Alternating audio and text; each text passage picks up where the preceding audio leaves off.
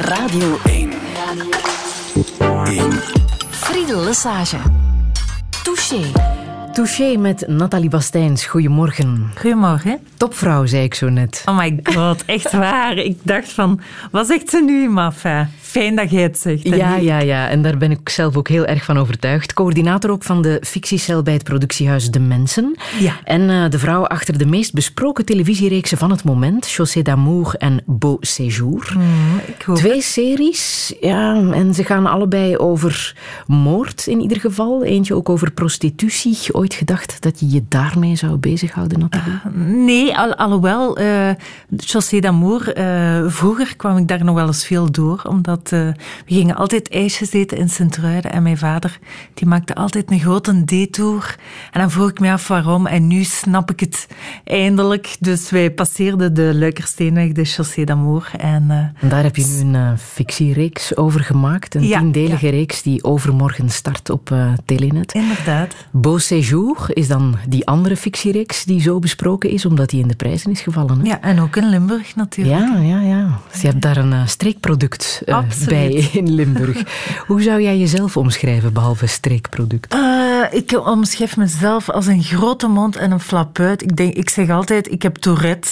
Dus ik zeg altijd alles wat ik denk. Dus Friedel, pas op hier die volgende twee uur. Maar dat mag, hè?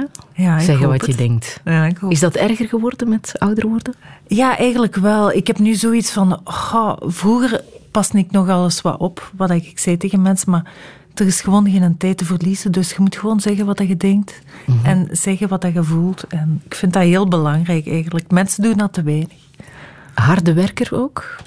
Uh, ik denk het wel. Al, mensen die mij nu horen, die gaan zeggen ja, nee, absolu absoluut. En ik vind dat fantastisch hard werken. Mm. Perfectionisten?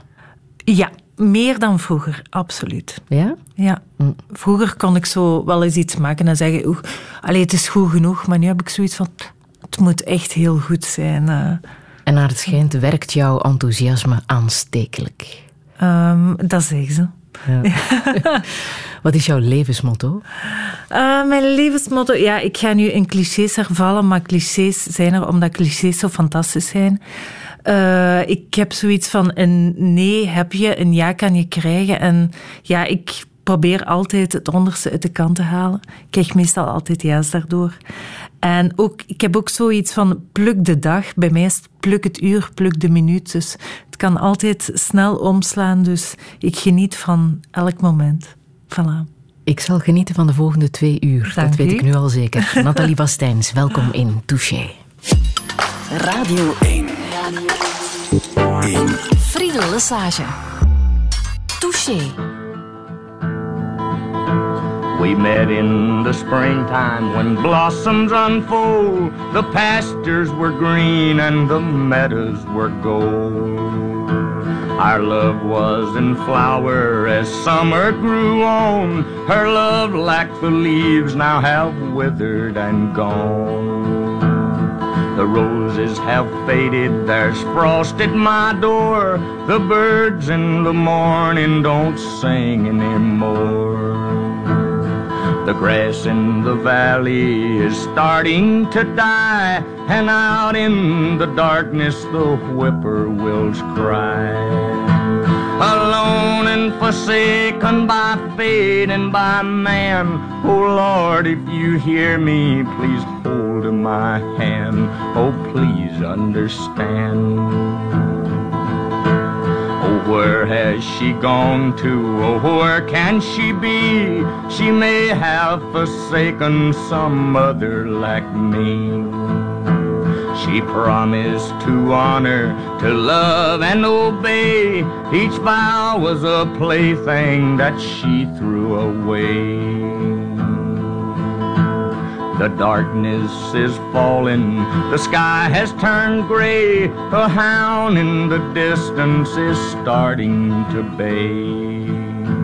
I wonder, I wonder what she's thinking of. Forsaken, forgotten, without any love. Alone and forsaken by fate and by man. Oh Lord, if you hear me, please hold my hand. Oh, please understand. Hank Williams en Alone and Forsaken, Nathalie Bastijns.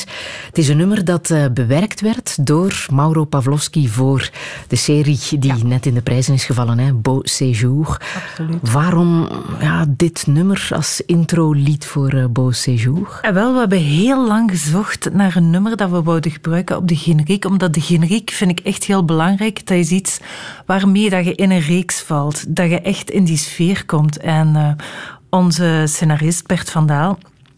En, en Sanne, die heeft ook mee uh, geschreven, die kwam in één keer af met dat nummer en, uh, en wij hadden echt zoiets van, wauw, dat is echt zo in de sfeer van Beauséjour, maar we wouden dat in het Limburgs laten zingen. Dus ja, Mauro in het Limburgs. Dus we hebben hem gebeld en gezegd, Mauro, zie je dat zitten?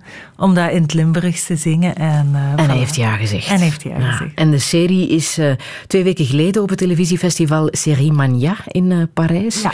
In de prijzen gevallen ja. als publiekswinnaar onder 250 inzendingen. Ja, wij waren echt super content dat dat de publieksprijs... Ah, we hebben wel niet de grote prijs gewonnen die uitgegeven is door David Chase. Dat, waren acht, dat waren acht inzendingen, waaronder wij ook.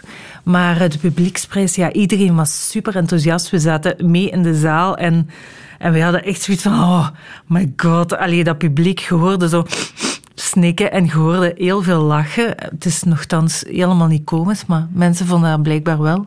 En uh, ja, dat, dat, dat was echt ongelooflijk. publiek vond het geweldig. En wat voor festival is dat, die serie? Mania? Ja, dat is eigenlijk uh, een festival voor series. En het is echt wel een heel belangrijk festival. Ze komen over heel de wereld.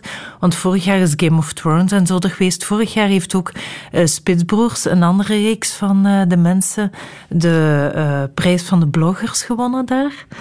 En um, ja, alle series komen daar. Er zat ook Mr. Robot, echt een fantastische Amerikaanse reeks. En ja, en dan is... worden hele uh, series bekeken, alle afleveringen. Nee, nee, wij, nee ik denk het niet. Uh, want wij hebben nu onze reeks, dat waren aflevering 1 en 2. En ik denk dat altijd aflevering 1 en 2 is dat ze zien. Mm -hmm. Dus uh, als ze daarna kijken.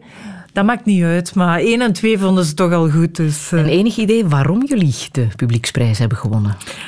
Uh, wel, iedereen zei zo. Uh, hetgeen wat ze fantastisch vonden, is dat uh, eigenlijk is het een politieverhaal, maar met een, met een twist. En het toffe vonden ze dat zo supernatural. Dat is blijkbaar overal, we hebben zo heel veel interviews moeten doen, overal was dat het supernatural, vonden ze zo heel tof, dat eigenlijk het personage dat dood is, het hoofdpersonage wordt en actief is. Mm. En dat vonden ze super tof. Ja, en ook de sfeer en ja, het, het, het Limburg, dat dan een piepklein dorp is, maar heel internationaal wordt. Dus. En zeer authentiek, hè? Het ligt heel dicht bij jou. Ja. Waarom wou je het absoluut in het Limburgs? Um, Enfin, het, het, het, verhaal is zo ontstaan dat mijn vader heeft mij daar ooit mee naartoe genomen, tien jaar geleden, naar dat hotel, Beau Séjour. En ik zei van, amai, daar wil ik echt een reeks maken.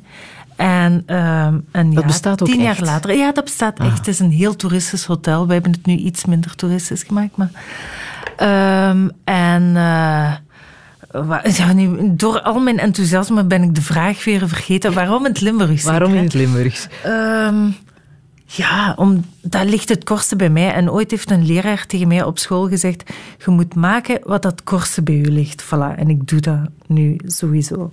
Het gaat over Cato. Ja. Uh, er wordt een gruwelijke moord gepleegd in Ja. dat bewuste hotel Beau Séjour. Absoluut. Um, maar en zij gaat zelf op zoek naar diegene die haar vermoord heeft. Ja, Slechts ja. vijf mensen kunnen haar zien. Ja, En één van die vijf is mogelijk de dader. mogelijk de dader. Wat een bizar idee. Ja, uh, allee, eigenlijk... Uh, dus Bert en Sanne komen met dat idee af. En in het begin dacht ik van... Huh? En na een minuut had ik zoiets van... Fantastisch idee, oké, okay, dat moeten we doen gewoon. En dat klinkt ongeveer zo. Kato, uh, belt je mij eens terug als je dit hoort? Hè? Het is mama. Waarom doet ze zoiets nu toch? Ze ging recht naar huis komen. Soms heb ik het gevoel dat ze er nog is, weet je. Dit is ook zo. Wat doet jij nu? Ik sta hier wel, hè? Ik moet weten wie mij vermoord heeft.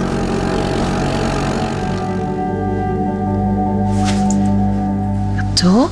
Ik heb Kato nog gezien, ik zweer het. Sofie, hou met die onzin. Ik denk dat een van die vijf mijn moordenaar is. Dit klinkt al ontzettend spannend. Het is ook heel spannend, Friedel. Maar ben jij een thrillerfanaat? Ja, ik hou van alles. Ik hou van hele trage dingen. Ik hou van thrillers. En dit is, dit is eigenlijk een soort van... Het gaat heel traag. Het is niet omdat het in Limburg is, dat trager. Nee, het gaat heel traag en het is ook heel spannend. En dat is juist zo, zo leuk, dat, dat je die afwisseling hebt tussen die familiescènes en dan in één keer wordt het weer heel spannend. En dat vind ik juist zo tof eraan. Het feit dat je daar eh, in Parijs in de prijzen bent gevallen, heeft wat opgeleverd. Hè? De serie is ondertussen al verkocht aan Arte. Dat was al. Dat was al. Dat Ja, was ja. al. Ja. Ja. En ondertussen nog meer eh, Eh, goed nieuws? Ze, ze zijn bezig. We krijgen aanvragen van toch wel over heel de wereld. Dus eh, we zien wel. Ja, maar we hebben bijvoorbeeld Lagardère. eh dat is eigenlijk een, een soort van bedrijf en die, die eh, brengen alles aan. aan allee, die gaan naar Cannes en zo. En, en die zijn er vooral mee bezig, maar ze bellen ons zelf ook. Dus dat is heel Ja. grappig. Wat doe je dan met dat Limburgs? Wordt dat dan vertaald, gedubt? Ik hoop het niet. Ja, in, bij Artie wordt het wel gedubt. In Mhm. het Frans en dan in het Duits. Dus ik ben heel curieus om dat te horen, vooral in het Duits. Want dat klinkt raar natuurlijk. Dat eh, dat zijn wij niet gewoon. Ja, allee, alhoewel Duits, dat leen- leunt toch wel aan met Limburgs, maar dat zijn we niet zo gewoon. Ja, maar dan gaan er stemmen over de originele ja, ja. ja. stem. Ja. Dat klinkt raar. Ja, ik ben heel curieus. Ja. Ehm, nu, wat er ook werd gezegd eh, toen in Parijs, is dat de film noir van België echt een merk is geworden. Is dat zo? Tja, er zijn nu een paar reeksen allee, eh, die, die wat donkerder zijn hè, dan de rest. Ze noemen, allee, ik vind dat heel tof dat, dat wij zo mee aan de wieg staan van de Belgian Noir, zoals ze het noemen. Ook Kaat heeft eh, een reeks gedraaid. Tabula. Kaat Beels, ja. Ja, Kaat. Beels. eh, een reeks Tabula Rasa. Dat, dat is ook zogezegd de Belgian Noir. En ja, we, we zien wel wat dat, dat wordt na de Scandinavian Darkness, of hoe zeggen ze dat? Ja, ja, ja. Eh, komt de Belgian Noir, ja. Maar denk je dat wij in staat zijn om dat niveau te halen? Ja, wat in. Scandinavië wordt gemaakt en internationaal wordt verspreid, zoals eh, The Killing en Borgen en Maar dat hebben- soort series? Ik denk dat wij echt ongelooflijk veel talent in regisseurs en, en scenaristen en zo hebben, cameramensen, die dat kunnen maken. Alleen hebben wij misschien iets minder budget dan, eh, dan in Scandinavië. Maar eh allee, als, als wij dat kunnen, dan dat zou fantastisch zijn natuurlijk. En voel je waarom wij opvallen, waarom de series die van hier komen eh, opvallen internationaal?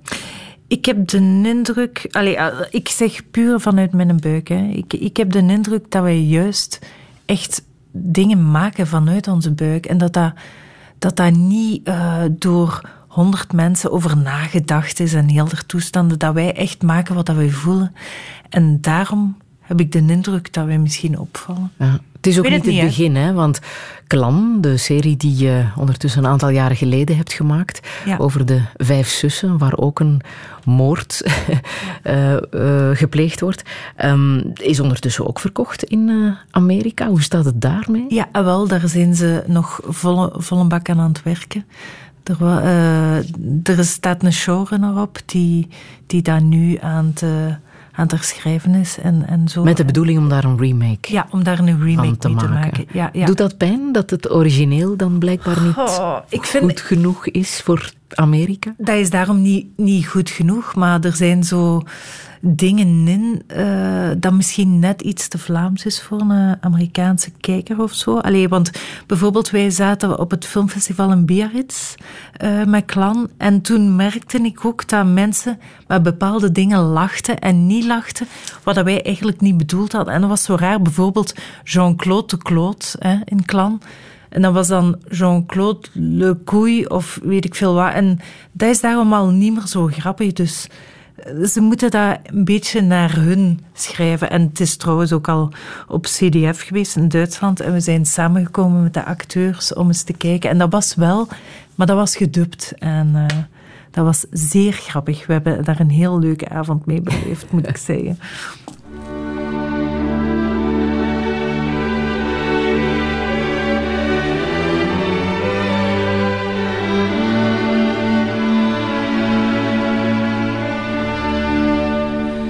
Il y aura cent mille chansons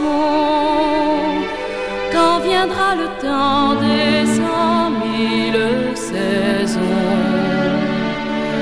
Cent mille amoureux, pareils à nous deux, dans le lit double de la terre.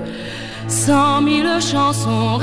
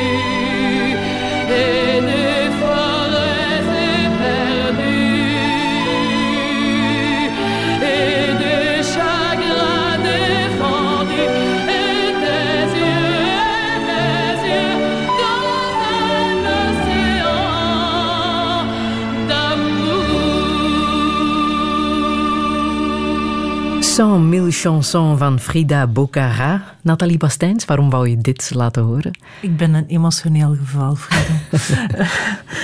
nee, ehm, ik ben opgegroeid met Franse chansons eh, thuis.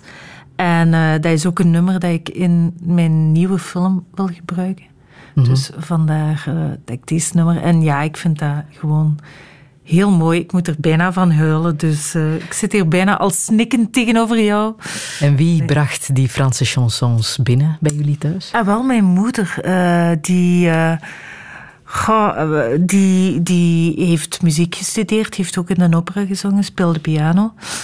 En ja, ik ben daar eigenlijk mee opgegroeid tot mijn 16 had ik nooit van moderne muziek, allee, moderne dan muziek gehoord. Dus ik ben eigenlijk met klassiek muziek en met Claude François, Jules Dassin, Frida Boccara allemaal opgegroeid. Ja, Maar je moeder zong in de opera. ja, ja.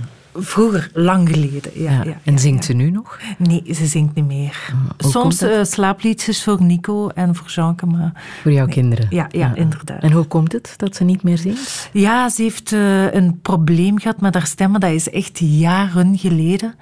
Waar, eh, werkte ze als lerares in een gebouw en daar waren gifuitwasemingen en dat is op haar stem geslaan. En vandaar dat haar stem een beetje gebroken is. Maar eh, dat is ook heel sexy, Friedel. En in hoeverre heb jij dat muzikale talent eh, meegekregen? Ehm, goh. Ik had eigenlijk heel graag muzikant geworden. Ja? Dat was eigenlijk mijn eerste droom. Maar ik ben heel blij dat ik dat nu niet ben, want mijn handen en mijn benen doen het niet meer. Maar zo bijvoorbeeld cello of piano, dat had ik echt super graag gespeeld. En, ehm, maar eh, nu zijn er ons kinderen die we dat kunnen opdwingen om een piano of cello te gaan spelen. Dus- Zit er al gevoel voor muziek? Ja, in, ja, eh, absoluut? Ja, Op welke manier? Ja, die zingen echt heel veel liedjes. Eh, alleen Nico, die begint zo ah, te zingen. En, en Jeanke, ja, die bijvoorbeeld vanmorgen ook we hadden een... Uh, Kat had een cd van haar broer gekregen met Gregoriaanse gezangen. En Jacques zei, zet die cd nog eens op. En de hele morgen heb ik dit dus gehoord. Uh, Geweldig, ja. Nu, het Franse chanson was al te horen in, uh, in jouw eindwerk toen je afstudeerde aan Sint-Lucas. Heb je een film gemaakt, De Kus. Daar mhm. wil ik even een fragment over laten, uit laten horen. Het is jouw stem. Liefste mama, beste papa, doe nu eens je oogjes dicht. Wees niet bang, het doet geen pijn. Ik zal een lieverd voor u zijn. Kusje. Hier, kusje. Daar. Ik u een gelukkig jaar. Een kusje voor het slapen gaan van mama en van papa. Ik die huil omdat mama haar lippen verft. Het kijken naar een kus, het krijgen van een kus. Vele kussen later nu. De eerste kus, de eerste echte kus. De kus waar ik zo lang naar verlangde, de kus die ik nooit kreeg. De afscheidskus, de teleurstellende kus. De kus van de prins op het witte paard. De kus op het einde van een film. Touché. Fragment uit jouw eerste kortfilm, De Kus, uit 97 ondertussen. Amai. Um, waarom wou je een eindwerk maken over de kus? Um, wel, ik eh, ben afgestudeerd in de richting documentaire. En dus een van mijn leraars zei, maak iets wat kortste bij je staat. En ik dacht, ja, dat moet ik over mijn ouders doen. En ik wou eigenlijk eerst een, een documentaire maken over kussen op zich, omdat ik dat zo... Ja, als je iemand op straat tegenkomt, geeft die een kus, ook al kende die niet. En eigenlijk is dat wel raar, want dat is wel vrij intiem. Allee, in sommige landen doen ze dat niet. En, um, en ik wou daar een documentaire over maken, dus ik was zo een aantal mensen gaan interviewen. Sylvia Kerstel over de filmkus.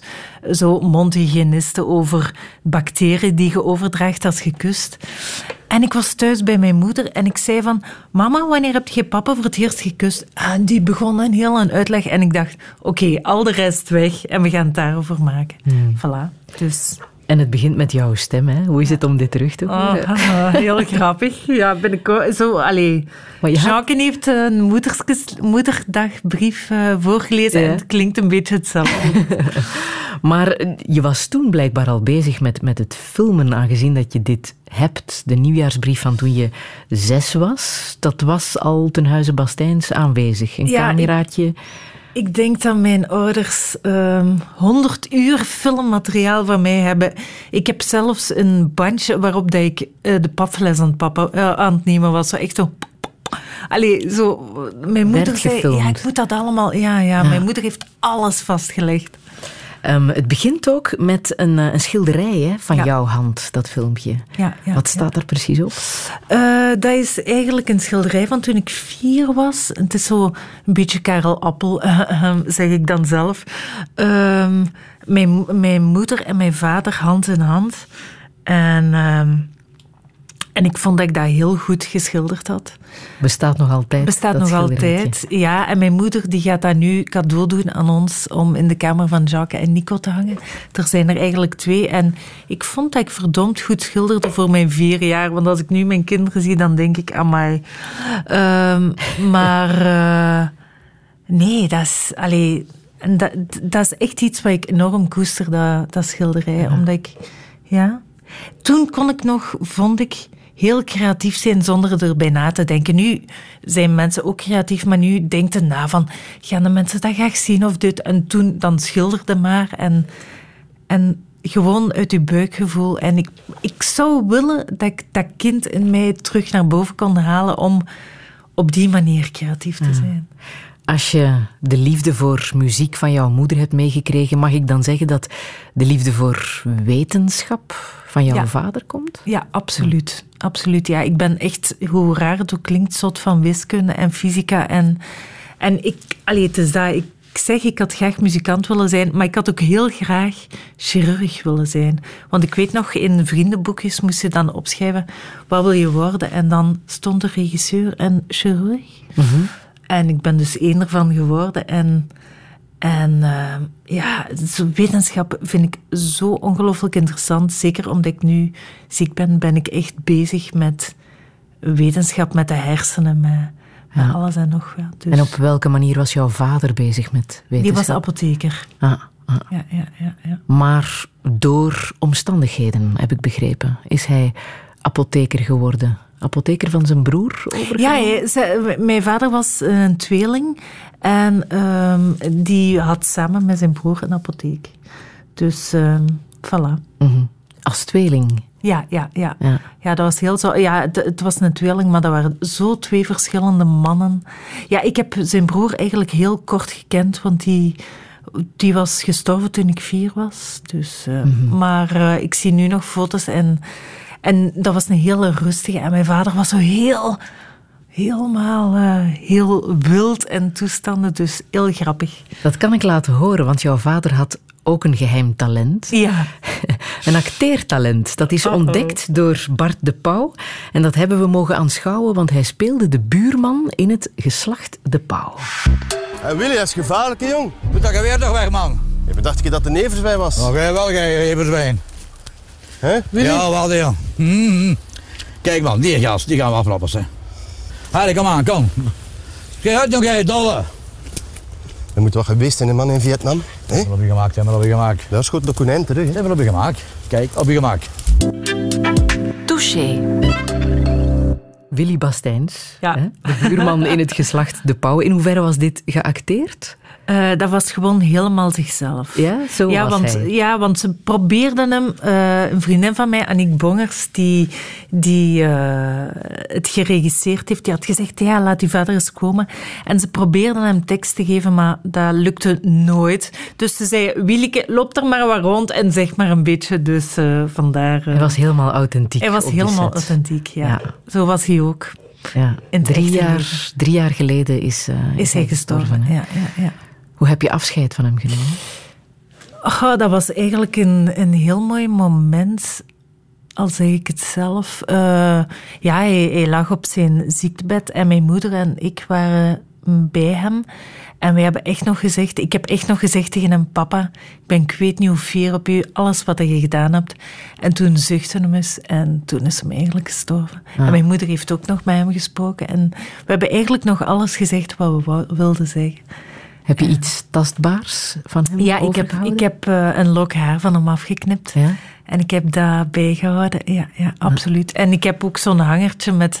Dat is een beetje luguber, vind ik eigenlijk. Met zijn assen in. En, uh, maar die lok haar is echt ja, heel dierbaar voor mij.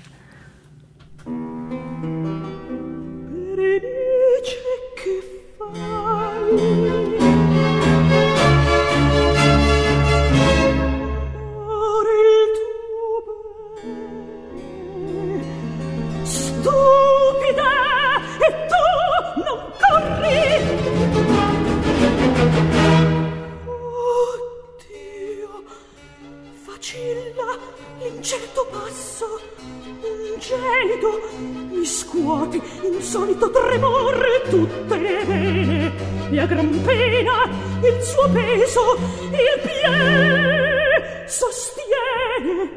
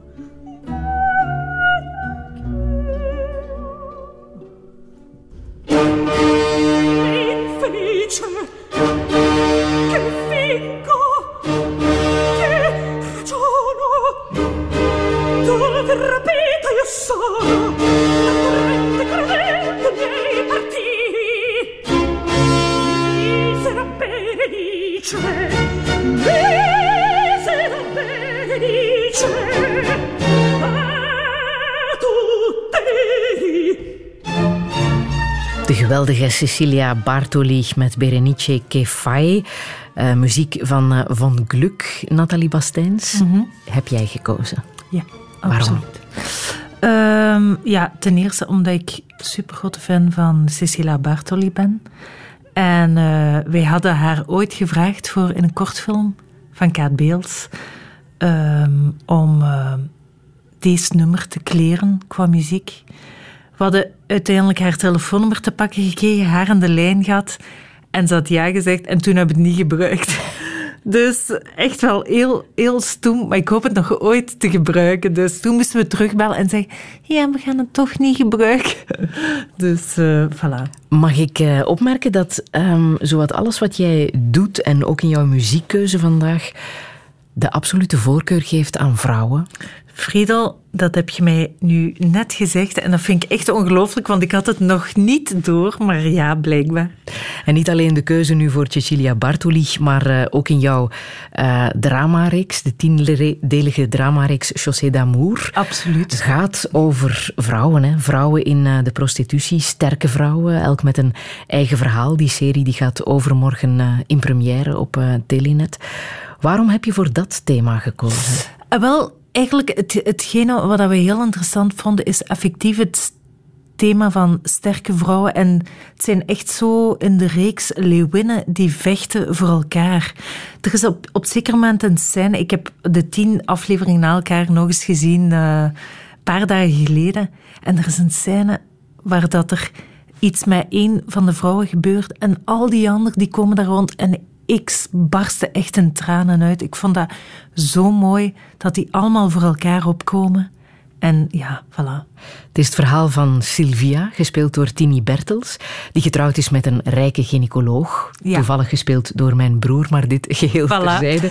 En zij komt door omstandigheden in een bordeel terecht. Ook dat is een interessante twist, hè, dat een vrouw uit een rijk burgermilieu ineens in dat wereldje terechtkomt en zich helemaal vrij voelt. Ja, na- natuurlijk. Allee, het ding is, in, in haar gouden kooi, waar dat ze alles krijgt en heel veel geld heeft. Allee, ik wil nu niet ehm, bij wijze van spreken reclame maken voor het prostitutiemilieu, zeker en vast niet. Maar ze, ze zit in gouden kooi, ze krijgt alles en in één keer komt ze ergens in een, in een eh, milieu terecht waar dat ze alles zelf moet beslissen. En dat is zo interessant dat... Allee, daar, daar hou ik enorm van. Allee, dat daarom niet het prostitutiemilieu, dat iets anders zou kunnen zijn. Maar die arena is ook zo visueel mooi. En, en we hebben er natuurlijk wel een laagje over gelegd. Eh, we hebben op, op, eh, allee, ons gebaseerd op verhalen die we, die we daar gehoord hebben tijdens de research. Maar een laagje overgelegd, een beetje de fictie aangedikt, laten we ons zo zeggen. En dat hebben Frank de Vos en eh, Pieter van Ees als regisseur super geweldig gedaan. Jullie zijn ook echt gaan filmen op de Chaussée d'Amour, die Ja. beruchte steenweg van, eh, weg van Sint-Ruiden naar eh, Luik. Ja. Hoeveel eh, huizen van Lichte Zede zijn daar? 44. 44. Op Ja. hoeveel kilometer? Op ongeveer, denk ik, hoeveel is het? Pieter Pijls gaat mee doodschieten als ik dat niet juist zeg. Ik denk op een drie, viertal kilometer. Ja, ja, Dat ja. is heel veel. Hè? Wat wil dat zeggen over ons, over de maatschappij? Ehm, mm, dat vind ik, dat vind ik moeilijk. Allee, het, het, het leuke is dat dat allemaal kort bij elkaar ligt en dat dat ene steenweg is. Ja. Maar wat, wat, wat dat over ons, over de maatschappij wil zeggen, mm, weet ik niet zo. Ik heb daar niet zo'n oordeel over. Ja, ze hebben er zelfs een rode loper gelegd, omdat er eh, zoveel ongelukken gebeurden. Ja. En zo begint de reeks ook hè, met een ongeluk, want de aandacht wordt wel zwaar afgeleid op dat stukje Ja, steenweg absoluut. natuurlijk. Hè. Ja, dat is de steenweg waar dat het traagste gereden wordt in heel België, denk ik. Aha. Je mocht daar eh, iets van een 70 rijden en daar, daar rijden ze gemiddeld 10, 20 per uur. Maar niet alleen in Sint-Truiden, maar je hebt ook, je hebt ook zo'n steenweg in Aarschot in Gent. En het is blijkbaar overal hetzelfde. Je hebt het overal. Begin dit jaar was eh, Michael Bijnens hier eh, Ja. te gast. Ehm, hij schreef daar een boek over. Hij is opgegroeid in dat milieu als zoon van een eh, prostituee. Het boek heet Cinderella. En dit vertelde hij toen in eh, de uitzending. Er is een wettekst over waarin staat dat het, eh, het openen of het houden van een ontuchthuis, dat is een soort een term uit de 19e eeuw of zo, dat is verboden. Desondanks liggen de Vlaamse steenwegen, eh, eh, ligt dat volgepot met, met, met bordelen. Als het zo in het midden ligt van hoe de geografie eruit ziet. We hadden het er straks even over een, over een studie die ergens in september, geloof ik, vorig jaar is, is verschenen door de, en die gemaakt was door de KUL, waarin gezegd werd dat, dat de totale omzet van prostitutie in België bijna een miljard euro is. Het is niet een kleine sector of zo. Ik denk dat eh, meer mannen dan we zouden denken ooit naar de hoeren zijn geweest. Touché. Prostitutie is alles behalve een kleine sector. Dat was zijn boodschap als één op vier van de mannen wel eens naar een eh, bordeel gaat. Heb je dat zelf ook zo ervaren? Dat, eh, dat daar toch heel veel verhalen, heel veel beweging en dat het ja, het leven van nu is, hè? Ja, blijkbaar eh, zijn er heel veel mannen. Dus eh, iedereen die nu aan het luisteren is, die krijgt wel rode oortjes, volgens mij. Maar ehm, ja, dat is het leven van nu. En dat is gewoon... Allee, ik ben heel blij dat dat allemaal bestaat. Want anders dan denk ik dat onze wereld er uh, iets vuiler zou uitzien. Dat er vrouwen zijn die, die mannen intomen, laat dat ons zomaar zeggen. Hm. Je wist ook meteen deze serie gaan we maken. Ja. Waarom had het met dat onderwerp ook te maken? Nee, wel, uh, dus uh, Pieter, een, uh, een jongen die bij de mensen werkte, ik, ik, ik werkte er een week. En ik had gezegd van, iedereen die een tof verhaal heeft, kom naar mij toe. En Pieter had zo een verhaal over, uh, in, in het belang van Limburg, over een man die een accident had gekregen door zo traag natuurlijk te rijden. Een opblaasbaar pop die tussen hem zat, de brandweer die hem eruit is moeten komen halen. En ik dacht echt, echt van, amai, dit is zo visueel, hier moeten we iets over doen. En, en uiteindelijk uit dat één klein artikeltje is eigenlijk een reeks van tien afleveringen ontstaan. Ja.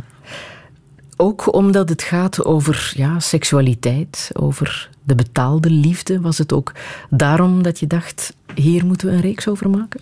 Ja, over, uh, het gaat natuurlijk over betaalde liefde. Het gaat over uh, seksualiteit. Het gaat over vrouwen. Uh, oh, dat vind ik... ik... Ik heb echt zoiets van... Dat, dat is eigenlijk een wereld waar dat heel veel mensen eigenlijk iets van willen zien en niet en niet durven toegeven. Wel durven gaan kijken, maar niet durven toegeven. En ik wou daar gewoon iets heel normaals rond maken. Allee, met, met de heel ploeg van scenaristen eigenlijk. Iets, ja, of dat dan nu in het wielermilieu zou plaatsvinden of in het prostitutiemilieu.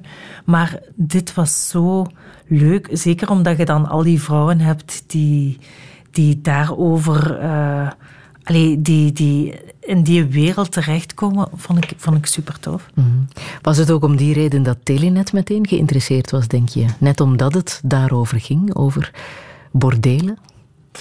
Um, dan, dan moet je eens vragen aan die mensen van Telenet zelf. maar ik weet dat ik, dat ik daar buiten ging en zei: Ja, we hebben nog een reeks over horen. En dan ze zeiden: Oké, okay, dat willen we lezen.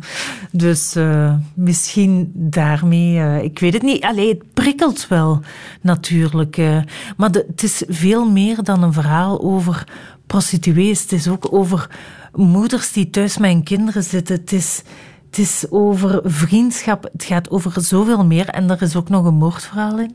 Maar het gaat over zoveel meer en het is echt zo de moeite om naar te kijken. Het is, ja. Waar je nu moet voor betalen. Een nieuwe manier van televisie kijken. Je betalende betaalt liefde, en... betalende tv. Ja, nee. Je betaalt om de serie te zien. Ja, de televisielandschap evolueert. Hè. Is dat goed voor filmmakers, seriemakers? Wel, ik denk, allee, sowieso, een, een maker wil altijd iets maken.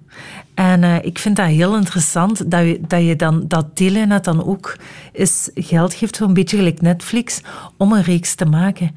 En ook het, het feit van ervoor te moeten betalen vind ik heel interessant, omdat de mensen die het willen zien, gaan er ook nog voor betalen. Het is niet dat je een tv opzet en ondertussen de strijk gaat doen of de hond gaat uitlaten en de tv staat nog op als je binnenkomt. Nee, het is gewoon van je betaalt ervoor, je gaat ervoor zitten, je wilt het echt zien en dat vind ik zo interessant. Mm.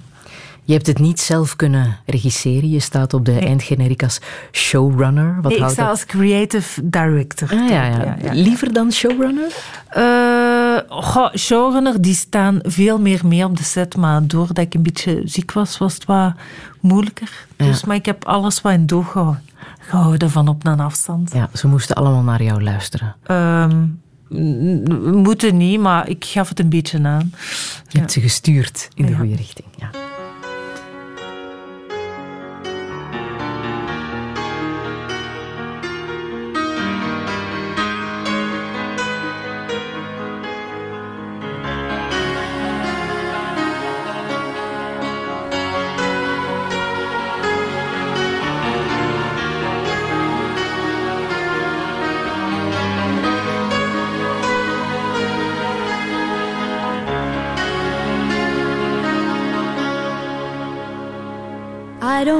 Talk about things we've gone through, though it's hurting me. Now it's history. I played all my cards, and that's what you've done too.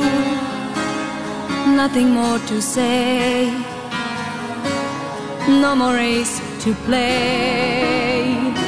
The winner takes it all. The loser is standing small beside the victory.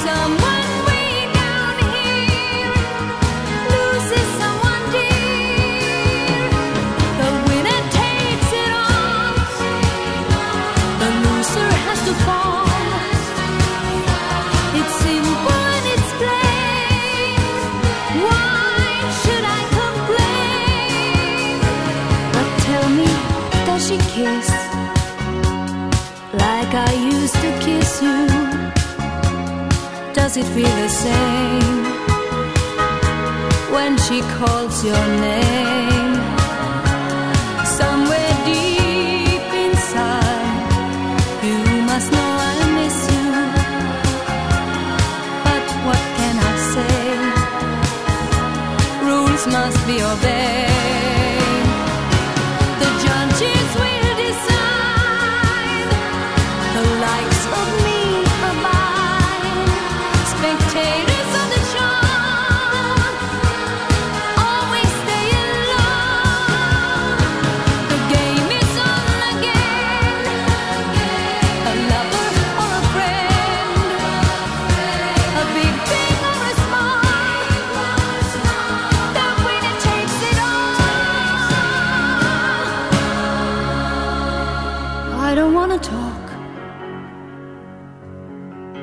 If it makes you feel sad, and I understand, you've come to shake my hand. I apologize if it makes you feel bad, seeing me so tense, no self confidence. But you see, the winner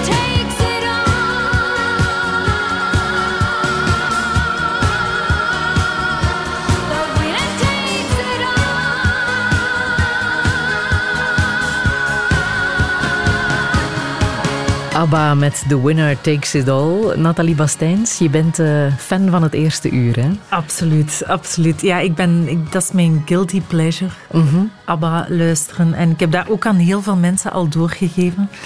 Ehm, ja, dat was samen met Jules Dassin, Claude François. En ik koos dan zelf voor ABBA ook natuurlijk een emotioneel geval weer alles.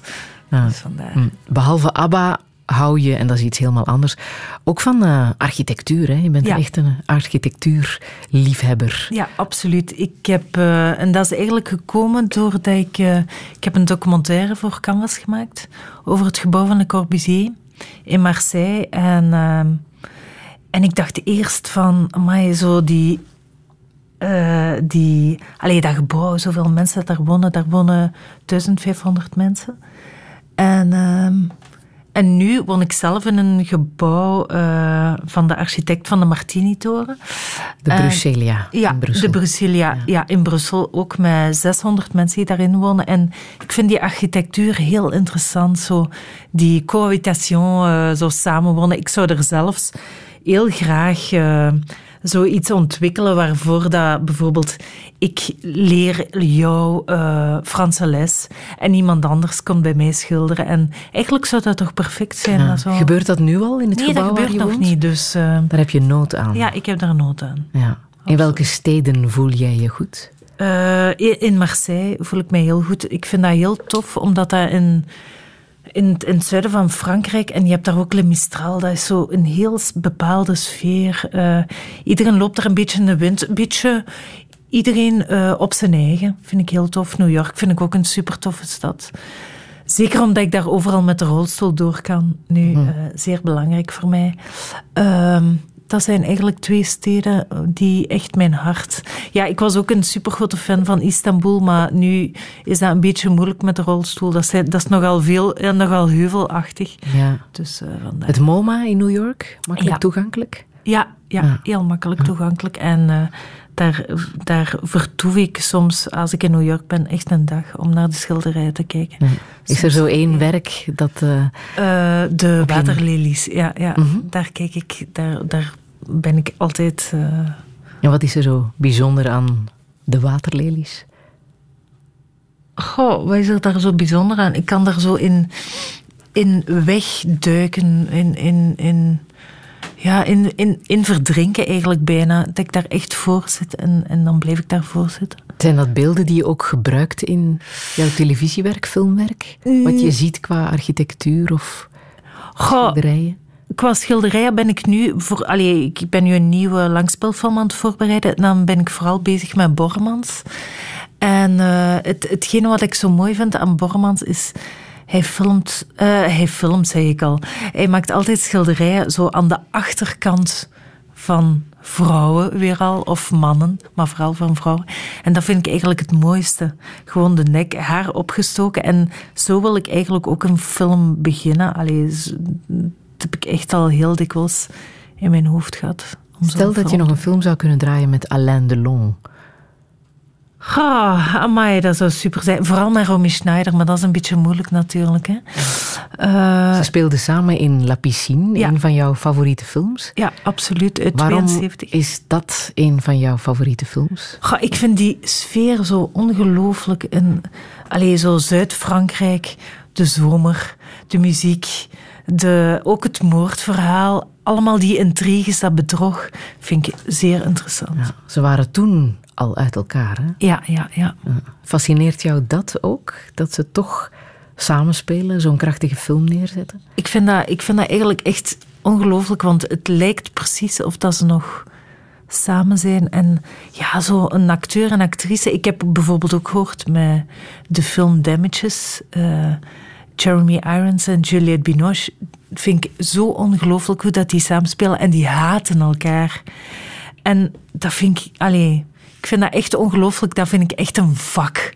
Dan, dat zijn echt vakmensen. Ja, zoals in A Bigger Splash, want dat is een soort van remake van eh, La Piscine. Heb je die ondertussen? Nee, die heb ik nog niet gezien. En ik wil heel graag, maar ik ben aan het kijken in welke cinema dat ik eindelijk die kan zien. Want met de rolstoel ergens binnengaan is niet zo Mhm. simpel. Dus ik ben aan het wachten van... Ik ben elke dag aan het kijken van... Oké, nu speelt hij in die zaal, nu kan ik binnen. Dus ik ben aan het wachten. Met Matthias Schoenaerts. Ja. In een van, eh, van de hoofdrollen. Eh, een andere film eh, die tot jouw favorieten hoort is Le Cercle Rouge. Ja. Ook uit begin jaren zeventig. Ja, inderdaad. Ook die sfeer? Ook- is het ook dat? Ja, ook met de Delon. Ja, ik weet niet. Misschien heb ik wel een bon voor de Delon, denk ik. Eh, ja, het, is, het is die sfeer van begin jaren zeventig, dat donkerte. En ik weet nog dat ik... Toen was ik eigenlijk heel jong toen ik die film zag. Zeven, of zes of zeven jaar. En ik was op skivakantie in Frankrijk. En ik zag die film en eigenlijk was die film totaal niet voor mij bedoeld. Maar die heeft toen zo'n indruk op mij gemaakt. Dat ik, eh, dat ik die telkens opnieuw en opnieuw en opnieuw en opnieuw zie. Ik heb muziek uit La Piscine, Ask Yourself Why van Sally Stevens.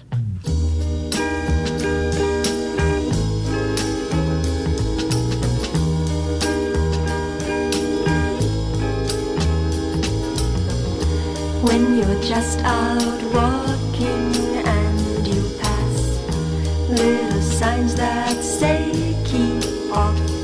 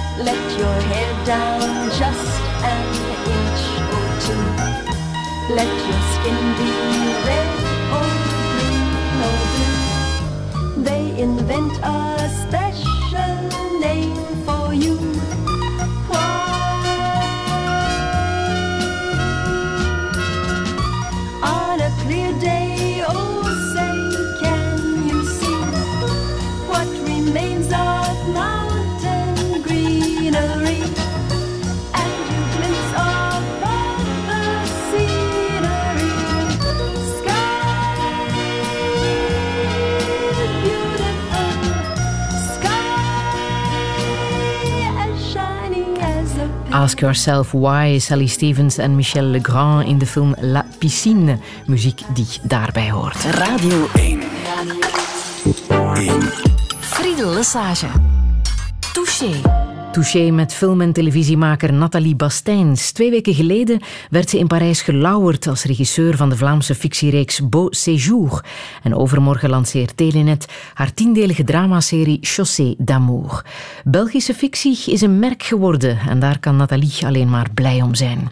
Ze laat zich graag inspireren door architectuur en kunst. Een stad als Marseille doet haar dromen. Haar werk is haar passie. Al is dat de voorbije jaren niet meer zo evident. Heel de wereld is ze afgereisd tot ze vier jaar geleden de diagnose MS kreeg. Hoe de wereld dan verandert, dat is voor het tweede deel van Touché. Fly me to the moon and let me play among the stars. Let me see what spring is like on Jupiter and Mars. In other words, hold my hand. In other words, darling, kiss me.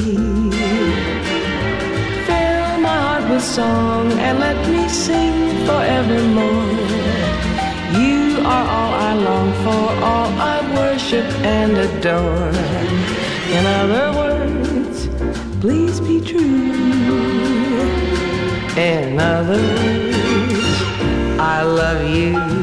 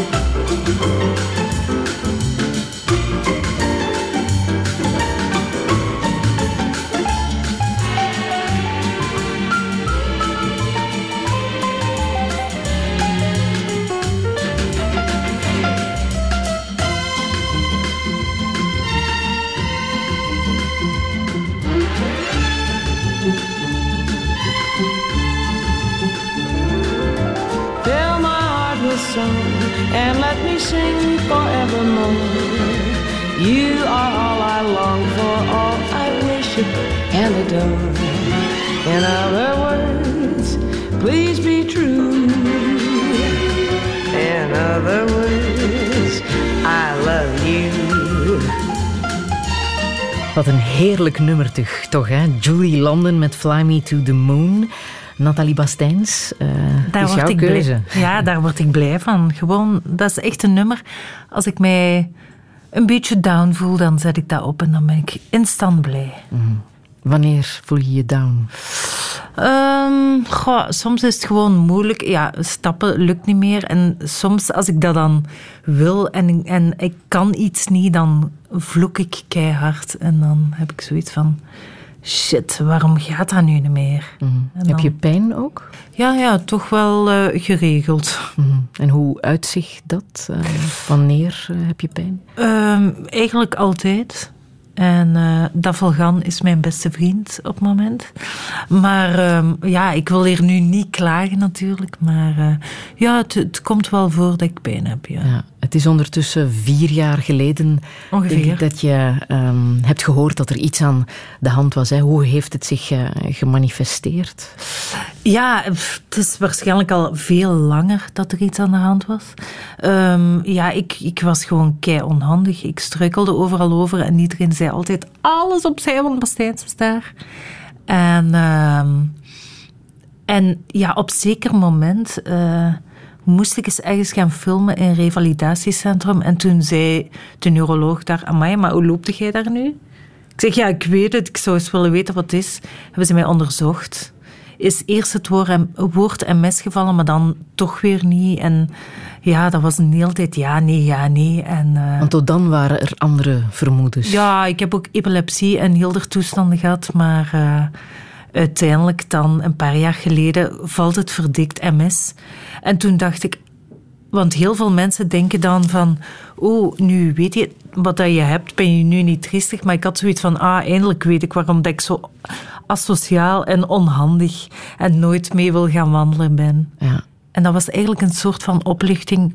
Zoals ik natuurlijk door begon te krijgen... dat ik echt heel weinig kan. Want de MS heeft uh, vele gezichten, uh, zeggen ja. ze altijd. Hoe zou je jouw vorm van MS uh, kunnen omschrijven? Goh, bij mij functioneert vooral mijn hoofd en daar ben ik zeer blij om. Uh, dus ik kan mijn job nog fatsoenlijk doen. Uh, ik kan alleen niet stappen en soms moeten ze mij helpen om een flesje cola of zo open te draaien. En, maar uh, ja, mm -hmm. we doen door. Hè. 1 op duizend is, uh, ja, draagt de ziekte, hè, zeggen ze? Nee, niet 1 op 1000. 1 op 1000 heeft uh, de vorm die ik heb. Mm -hmm. Primair progressief. Er zijn veel meer mensen uh, die MS hebben. Maar met MS kan je bijvoorbeeld heel lang... Er zijn mensen die ik ken die al 30 jaar MS hebben en nog perfect met de fiets rijden en zo. Maar ik heb een vorm primair progressief en dat gaat geleidelijk aan achteruit. Mm -hmm. En bij mij gaat het echt wel verdomd snel. Dus... Uh, op vier jaar tijd. Ja, ja, ja. ja merk je nu nog? Uh, ja, ik merk dat. Ja, ja. Allee, sommige dagen gaat het heel makkelijk om uit het bed te gaan, wel met hulp van Kaat. En sommige dagen lukt het helemaal niet. En, en allee, dat is gewoon echt, uh, echt een verschil. Het hangt van dag tot dag af. Vandaar dat ik zeg, pluk het uur. Twee weken geleden was er een uh, strafreportage in Koppen XL te zien over de strijd tegen MS. Um, wat we horen is uh, de professor, professor Snowden, die uitlegt wat ze precies aan het doen zijn. Professor John Snowden heeft zich gespecialiseerd in de behandeling van bloedkankers. Beenmergtransplantaties zijn heel gewoon voor hem. Hij wil zo'n transplantatie nu ook proberen om Paul zijn immuunsysteem weer op orde te krijgen. We would hope to rebuild your immune system in a, a slightly different way. and still be your own immune system. Uh, it's not actually a true transplant because it's going to be stem cells from yourself. In effect, a, a, an immune system that has been reset or rebooted back to a time point before it caused MS. Touché. Wat ze dus kunnen bij dat experiment is uh, ja, een soort reset van het uh, immuunsysteem. Dus mm -hmm. terug naar de. Uh, ja, de positie. babytje, ja. ja. zoals, je, zoals de patiënten zijn voor ze MS hadden. Wat dacht je toen je voor het eerst hoorde van dit experiment? Ja, ik dacht, uh, een vrouw zei al in de reportage, it's a miracle, effectief.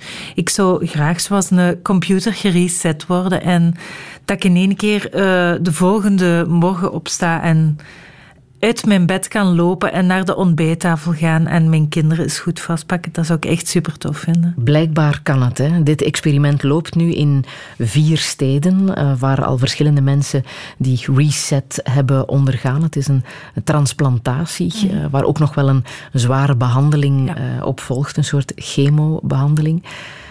Is het frustrerend te weten dat dat nu gebeurt in vier steden? Bah, allee, ik heb, ik heb zoiets van, als ik echt zeker weet dat dat helpt, dan ga ik wel naar een van die vier steden. Geloof mij, ik ga helemaal aan aarde verzetten om dat te doen. En wat er daarna komt, die zware behandeling, dat neem ik er wel bij. Allee, het is nu ook zwaar. Mm-hmm. Dus dat zou ik er echt bij nemen om gewoon normaal Allee, ik, ik ben normaal, hè, denk ik dan bij mezelf. Maar om gewoon heel onnozel van, de e, van punt A naar punt B te kunnen gaan, gewoon. Dat zou echt fantastisch zijn. Een van de patiënten die wordt gevolgd in de reportage is uh, Holly. En uh, die noemt inderdaad de transplantatie die ze onderging a miracle. Holly onderging een experimentele transplantatie en zij ging er fenomenaal op vooruit. I started seeing changes within days. I walked out of hospital. I walked into the house and I cuddled Isla. I just cried. I just cried and hugged Isla and I just, yeah, a little bit overwhelming, just a bit like, is it, was that all just a dream, what I've just done? Yeah, miracle, miracle. Touché. A Miracle. Ze is genezen. De MS is in slaap gelegd. Zo wordt het uitgelegd in uh, de documentaire. En uh, ja, het is inderdaad een, een wonder. Hè. Ze vertelde ook dat de transplantatie 40.000 euro kost. Mm -hmm. Dat lijkt me haalbaar. Ja, daar krijg ik wel bijeen. Mm -hmm. Want de kosten die je nu maakt, ja, ja. zijn ook, denk ik, behoorlijk hoog. Ja, gelukkig komt... Uh, komt het ziekenfonds nog tussen, maar uh, zelf heb ik toch ook wel heel veel kosten per maand. Ja. Wat doe je om de MS uh, nu te behandelen? Goh, er, er zijn een paar. Ja, ik, ik ga naar de MS-kliniek uh, en. ja, op het moment is het heel moeilijk om mijn soort van MS te behandelen, omdat er is nog niet echt een behandeling voor, omdat maar 10% van de MS-patiënten dat soort MS, dus primair progressieve MS hebben. En um, ja, ik zou heel graag willen en ik zou echt naar het, de andere kant van de wereld gaan als ik zeker weet van oké, okay, ze kunnen het behandelen, dan doe ik het. Want ik ben al een paar keer teleurgesteld geweest en dat is heel frustrerend. En wanneer ben je dan teleurgesteld geweest? Ja, als, als mensen... Ik heb al heel de toestanden gedaan als mensen zeggen van ja, maar we kunnen dat oplossen daarmee of daarmee. Ik heb al klankschellen aan mijn oren gehad. Ik heb al van alles gedaan. Je wilt gewoon heel hard dat dat beter wordt, maar het wordt mm -hmm. maar niet beter. Zoek je ook in alternatieve sectoren? Ja, dat heb, ik, dat heb ik gedaan, maar ik heb nu echt zoiets van...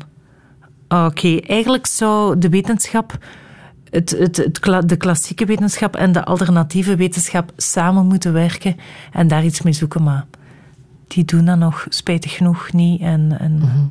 en dat vind ik heel, allez, heel frustrerend. Het is ook nodig om naar de MS-kliniek te gaan om het stabiel te houden? Of wat, wat gebeurt daar dan precies? Ja, ik weet, telkens als ik daar naartoe ga, vraag ik van... Is er al iets? Is er al iets? Mm -hmm. Is er iets voor mij? En, en ook om, om op de hoogte te houden, gehouden te worden van de laatste, laatste vorderingen. Ja. En welke behandelingen volg je dan nu? Ja, zo revalidatie uh, is heel belangrijk. Want bijvoorbeeld, ik heb een kinesist die drie à vier keer per week komt om, ja, om mijn benen in, in shape te houden, laten we dat zo zeggen. Ja. Ik zou dat liever zelf doen. Ja. Chemo ook?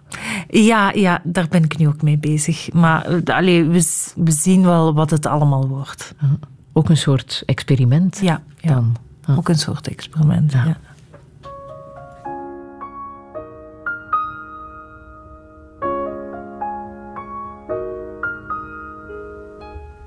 Here comes the sun, little darling. Here comes the sun.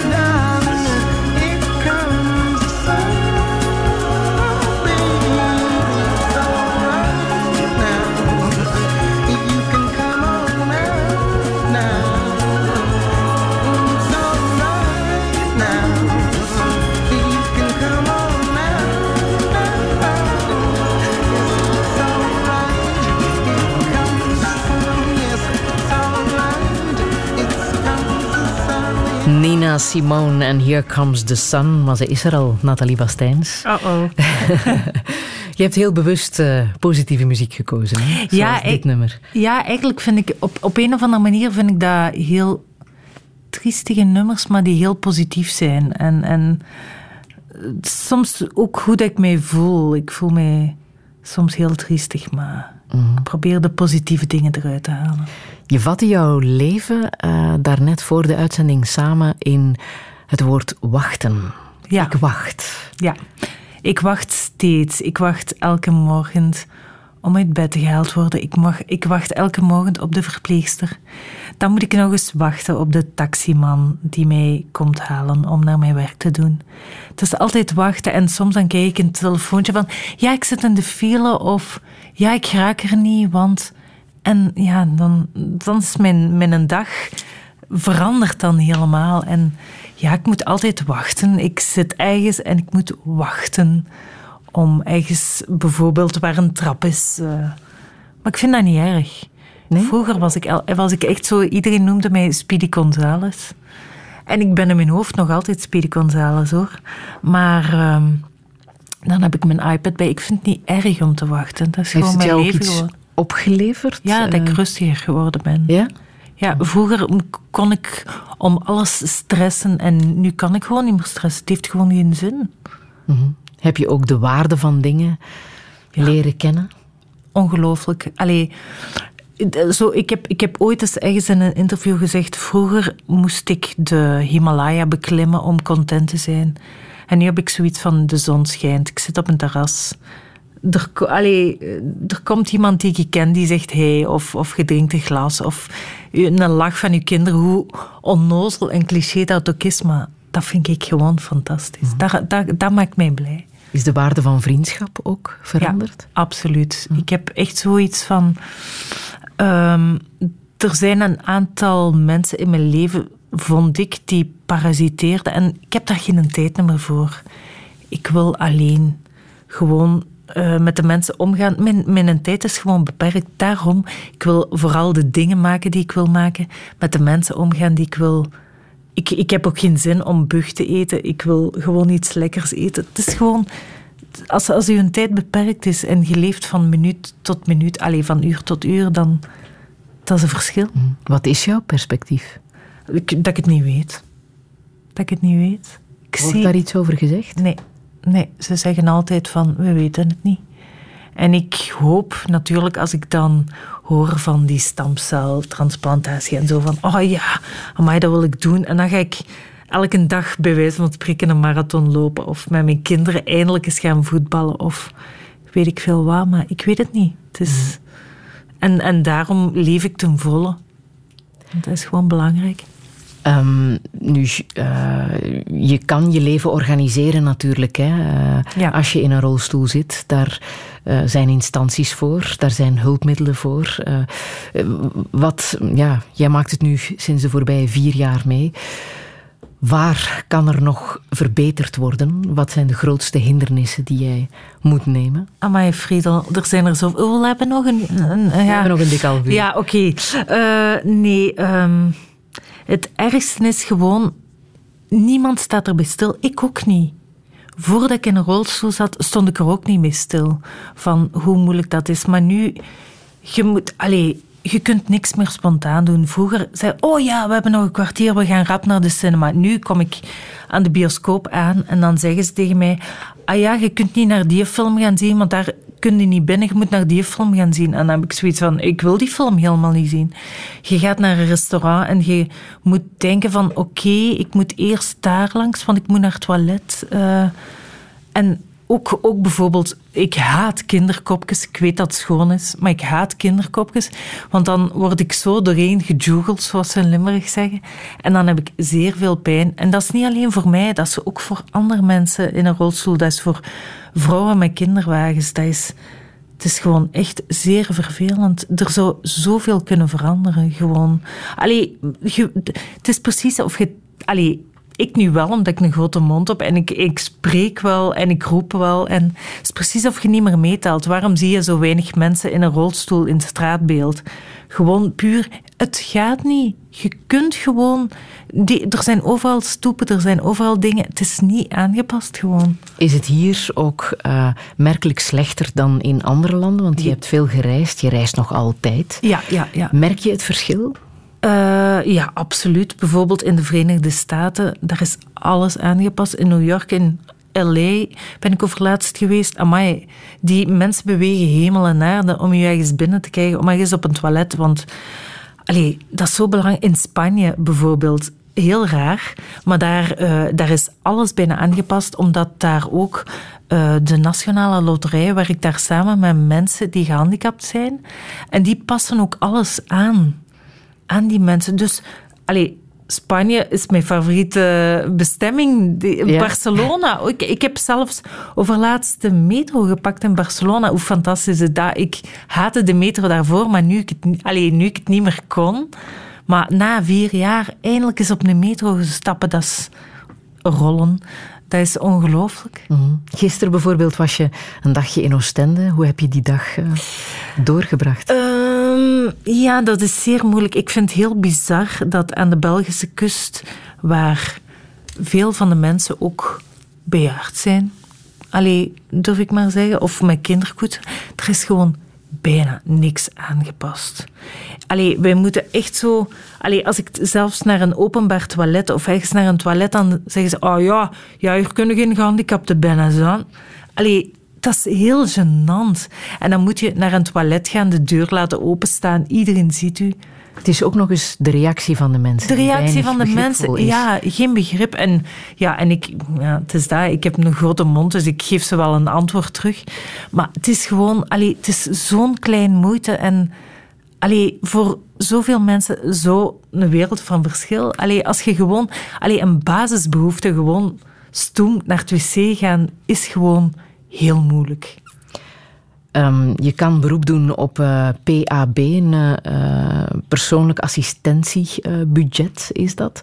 Ehm, kan jij daar ook eh, aanspraak op maken? Is mij al vijf keer geweigerd. Geweigerd? Ja.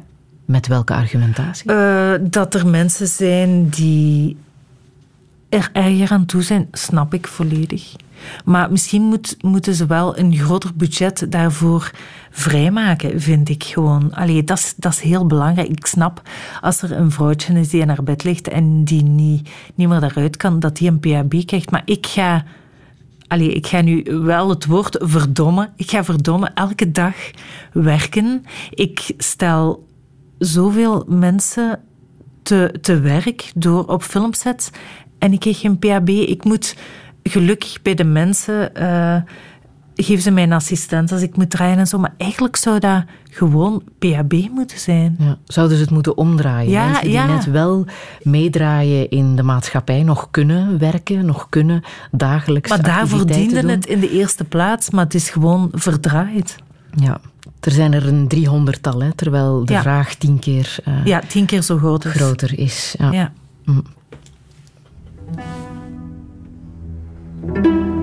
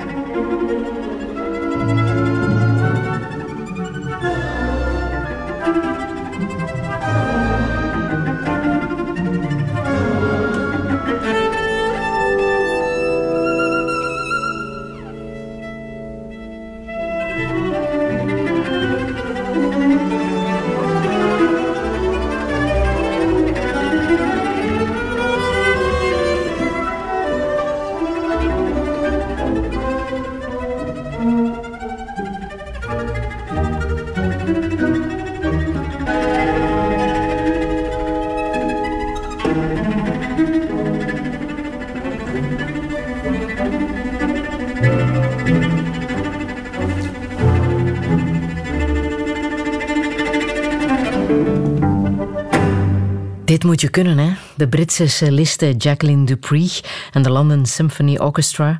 Het was een van de laatste stukken die ze heeft gespeeld. Muziek van eh, Edward Elgar. Ja. Ehm, en een bijzondere vrouw. Hè. Op 28 jaar kreeg ze ook te horen dat ze MS had. Ja, en, en, en zij wou het ook niet aanvaarden zoals ik. Ik wil het nog altijd niet aanvaarden. Ik, ik, ehm, allee, ik, ik leef er wel mee, maar ik aanvaard het. Ik zal het nooit aanvaarden. En zeker als je celliste bent, och, man, wat een chance dat ik regisseur ben en gewoon mijn mond moet open doen. Maar als je zo nog moet spelen, dan, dat lijkt mij zeer moeilijk. Nathalie, het is moederdag hè, vandaag. Ja. Hoe is dat bij jullie thuis gevierd? Ah, Jacques heeft, eh, heeft een geweldig... eh, ja, we hebben twee kindjes, eh, Nico en Jeanke. Jeanke is bijna vijf, Nico bijna twee. Een meisje.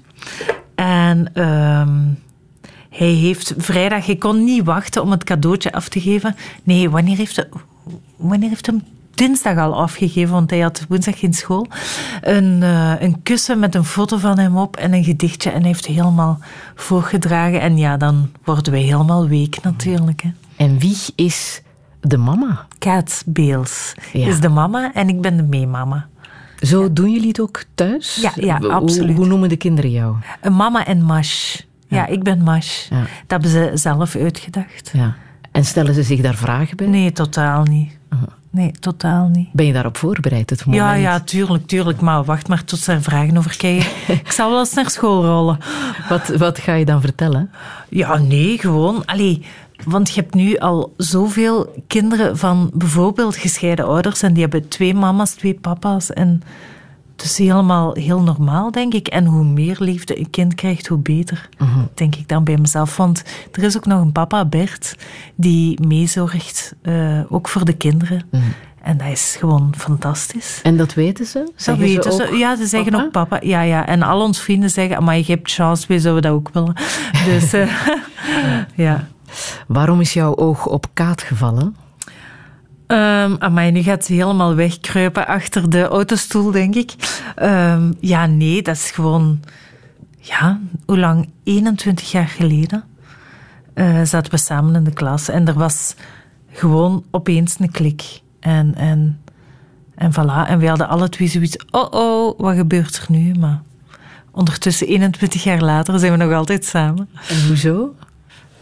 Had je, had je schrik? eh, Nee, nee, niet, niet speciaal. En ook niet van mijn ouders. En, nee, maar het is, het is niet...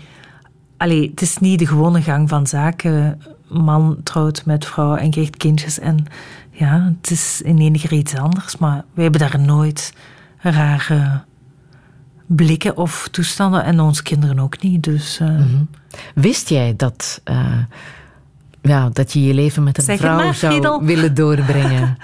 Heb je dat Eh, altijd geweten? Nee, allee, ik heb dat niet altijd geweten. Al- Wel wat geëxperimenteerd natuurlijk in mijn jeugd. Maar ehm, ja, ik val op mensen. Allee, en Kaat was echt mijn zielsverwant. En dat had evengoed een man kunnen zijn. Maar Het is nu een vrouw en ja. Want die nuance hoor je wel vaker hè? eh, onder vrouwenkoppels. Dat het niet gaat over het feit dat het een relatie met een vrouw is, maar met een mens. Met... Ja, absoluut. Maar ja, het klinkt heel klef, zoals je het zegt, Friedel. maar eh, mannen die zouden iets anders zeggen. Maar nee, het is, ik ben echt op een mens gevallen. Ja, Op iemand. Welke afspraken maken jullie onderling in, over de opvoeding van de kinderen? Ja, Kaat, allee, door mijn ziekte is Kaat nu natuurlijk iets meer betrokken bij de opvoeding. Maar ik merk nu hoe ouder dat de kinderen worden, hoe makkelijker dat voor mij is. Ja, een pamper aan doen allee, is voor mij echt bijna niet mogelijk, omdat mijn handen doen het echt niet. En ik vind dat soms tof om te zeggen, mijn handen doen het niet, dat ik een pamper moet verversen. Nee, maar... ehm, maar nu, eh, nu merk ik gewoon dat het makkelijker is. Hoe ouder dat de kinderen worden. En ik ben er ook, mee, allee, ik ben er ook meer mee bezig. Verhaaltjes lezen en, en, en mee spelen. En ja, het gaat nu makkelijker. Wist je al dat je MS had toen jullie jullie eerste kind verwachten? Nee. Jullie zijn voor een tweede gegaan. Ja, we zijn voor een tweede gegaan. Echt bewust. We hadden echt zoiets van... Ja, ik ben enig kind en ik dacht van... ik ben vroeger zo verwend nest geweest. Ik wil niet dat mijn kinderen verwende nesten worden. En ja, en dan ook nog eens één zoon met drie ouders. Help. Dus eh, het is heel goed dat er een tweede bijgekomen is. Daar heeft jouw ziekte Niks mee te maken. Nee, eh, nee, nee, absoluut, absoluut niet. Nee. Maar ben je daar mee bezig geweest? Want het Ja, is we zijn natuurlijk wel pakken zwaarder. Hè? Ja, we zijn er wel mee bezig geweest. We hebben daar wel over nagedacht van... Amai, eh, een tweede nog erbij. En, maar dat was eigenlijk heel snel... Allee, heel snel in de chakos, zoals ze zeggen. Eh, en ja, ik ben ook zo blij, want eh, Nico is zo geweldig. Mhm. Ik ben er echt heel blij mee, alhoewel dat zwaarder is, maar... Ça va. Wat weet je nog van het moment dat je voor het eerst Jean, de, het zoontje, eh, kon vast... dat was, ja, ik, ik, dat was echt wel het, het meest, het, het belangrijkste moment in mijn leven. Ik weet nog dat, dat Jean geboren werd en ik heb echt gehuild gelijk een klein kind. Ik, ik vond dat zo geweldig en daar, daar was hem dan de verandering van ons leven en de liefde van ons leven. En, en ja, dat was, dat was echt een heel belangrijk moment voor mij. Ben jij streng? Goh, ik, ik zei vroeger altijd, voordat ik kinderen, ik ga streng zijn. Maar ik denk dat ik helemaal niet streng ben. Totaal niet. Allee, ik probeer dat wel soms, maar eh, als dan die kleine blauwe oogjes naar mij lachen, dan denk ik van, ah, ah, oké, ik zal wel weer toegeven. Ik denk dat alle ouders wel zo zijn. Ja. Welke toekomst wens je hen toe? Een heel gezond leven. Dat vind ik heel belangrijk. En ja, dat ze kunnen doen wat ze willen. En, en dat ik nog heel lang bij hen kan zijn. En, en, en hun goede raad, denk ik, dan kan geven.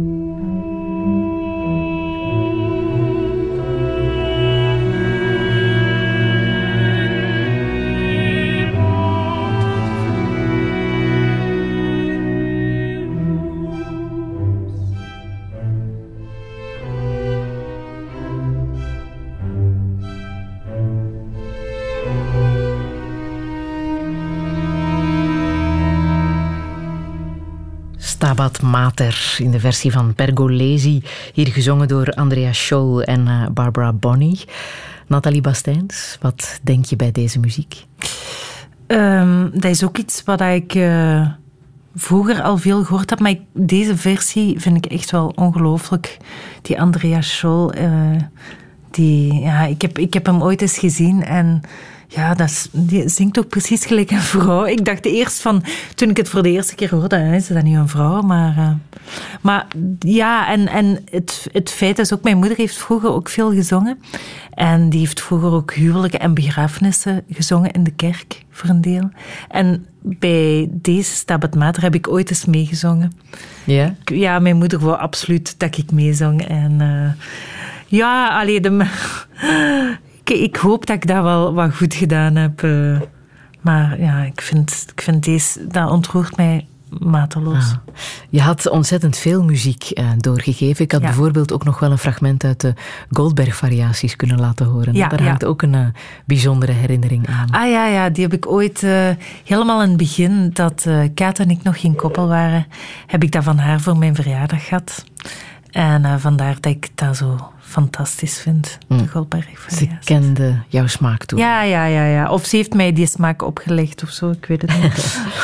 um, waar ben je op dit moment uh, mee bezig? Um, wel, ik ben uh, bij de mensen een paar projecten aan het ontwikkelen terug. En ik ga in sep september, oktober een langspeelfilm draaien samen met Kaat. Um, façades. En wat mogen we daar al over weten? Uh, wel, wat je daarover mocht weten. Ik, zal, ik ga even de korte inhoud lezen. uh, nee, uh, de film begint wanneer een oude man, Jean, gespeeld door Johan Leijzen, Alzheimer heeft. En per ongeluk een geheim vertelt tegen zijn vrouw. En waardoor dat zij het afstapt.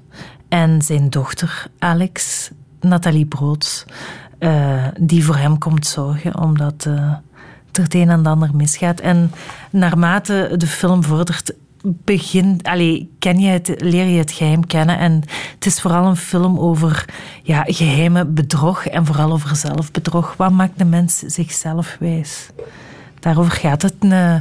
Een kleine uh, film. Het is niet met uh, heel veel ontploffingen of zo, maar uh, ik hou daar wel van. Echt een acteursfilm. Mm. Je zei zo net, we zijn nog aan het zoeken naar de pitch. Wat bedoel je daar dan mee? Ja, nee, dat is echt altijd zo moeilijk om... Ja, we hebben een heel scenario en, en, en de acteurs en alles, maar de pitch... Ja, dat is zo in een zin vertellen waar het over gaat. En ik vind dat altijd zo moeilijk, want dat is zo belangrijk. Dus ik hoop dat de mensen hierdoor getriggerd zijn. Maar het wordt fantastisch, voilà. Aha. Is dit nu gespreksonderwerp aan de keukentafel? Uh, nee, een deel van het gesprek. En vooral de kinderen is ook een gesprek van... Ja, maar morgen is hem thuis, wat gaat jij doen? En zeg jij op tijd terug? En wie kunnen we vragen? En Want mijn... het is samenwerken en samenleven, ja. hè, bij ja, jullie. Ja, ja tuurlijk. Ja. Ja, ja, maar dat is... Allee, dat, dat verloopt... Uh, we hebben vroeger heel veel documentaires samen gedraaid. En dan zaten we in Nepal of in Tokio voor anderhalf maand. En dan waren we 24 uur samen en met ons werk samen. Dus ja. nu kunnen we nogal eens wegglippen. Kaat gaat dan wel eens een koffie drinken of zo. en dat lukt. En dat lukt. Er wordt geen ruzie gemaakt op de set. Um, boah, dan leggen we dat wel snel terug bij. Maar soms dan kan ik wel eens wat... Ik ben nogal, zoals ik zeg, nogal een flap uit. Dan kan ik zeggen, allee, wat doe jij nu? Maar... Um, Ça va, dat leggen we wel terug bij. Ja. Deze zomer word je 44, hè? Ja, ja. Oh shit, ja, 44, ja. Hoe ga je dat vieren? En wel nog geen idee. De dag erna vertrekken we op vakantie. Met heel het gezin gaan we naar Kroatië. En, uh, maar misschien dat we... Wij wonen in een heel hoog gebouw, de Brusilia, in Schaarbeek. Met, uh, en, en daarvoor is een groot grasperk. Misschien dat we daar taart eten. En Friedel, bij deze zijn uitgenodigd. dus, uh... ja, maar is een reis organiseren naar uh, Kroatië evenzeer de organisatie er naartoe? En de ja, plek? absoluut. Want we hebben alle hotels gebeld en gezegd van... Uh, is er een aangepaste kamer en heel de toestanden van het hotel moeten veranderen omdat ik daar niet binnen kon, omdat er een trap was en zo. Ja, ja, dat is een hele organisatie.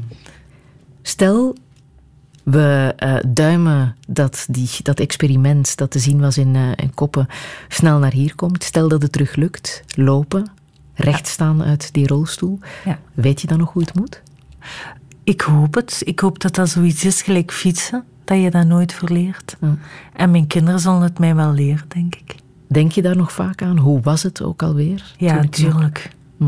Tuurlijk, want soms als ik gewoon iemand op straat zie wandelen, dan denk ik, oh, zo moeilijk is dat toch niet? De ene voet voor de andere zetten, waarom kan ik dat nu niet? Welke boodschap wil je hier nog meegeven? Dat het heel belangrijk is om te leven. Echt waar. Geen een tijd verspillen aan dingen die onnuttig zijn. Gewoon leef. Dat is voor mij het belangrijkste. Vandaar ook de keuze voor het laatste nummer. We zullen doorgaan. Absoluut. Ramses Shaffi. Tot op het einde. Dit is een afspraak met Kaat ook. Oké, ja, ja, dat is een afspraak. Ja. Want hoe hebben jullie daarover afspraken gemaakt? Stel dat het slechter gaat, dat het achteruit gaat. Ehm, ja, je verlegt je grenzen altijd. En, eh, en ik wou eerst niet in een rolstoel zitten en ik zit er nu in. En ja, we zullen wel zien. Ik heb zoiets van, we hebben bepaalde afspraken gemaakt, die ik daarom niet hier ga vertellen. Maar ehm, we, we zullen gewoon doorgaan, we zien wel.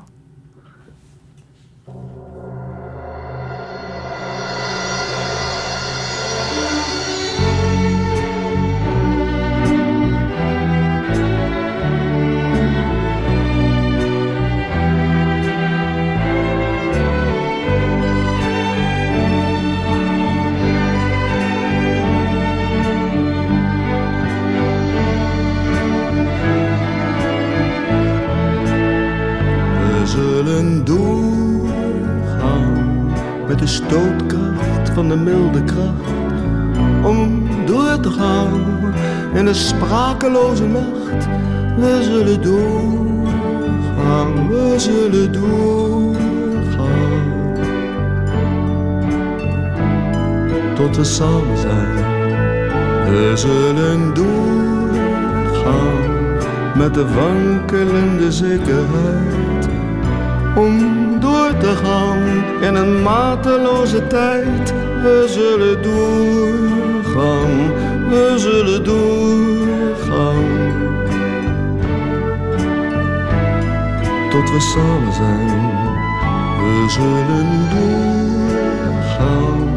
Met het zweet op ons gezicht, om alleen door te gaan. In een loopgraaf zonder licht, we zullen doorgaan, we zullen doorgaan. Tot we samen zijn, we zullen doorgaan. Telkens als we stilstaan, om weer door te gaan. Naakt in de orkaan, we zullen doorgaan, we zullen doorgaan. Samen zijn, we zullen doorgaan. Als niemand meer verwacht dat we weer doorgaan. In een sprakeloze nacht, we zullen doorgaan, we zullen doorgaan.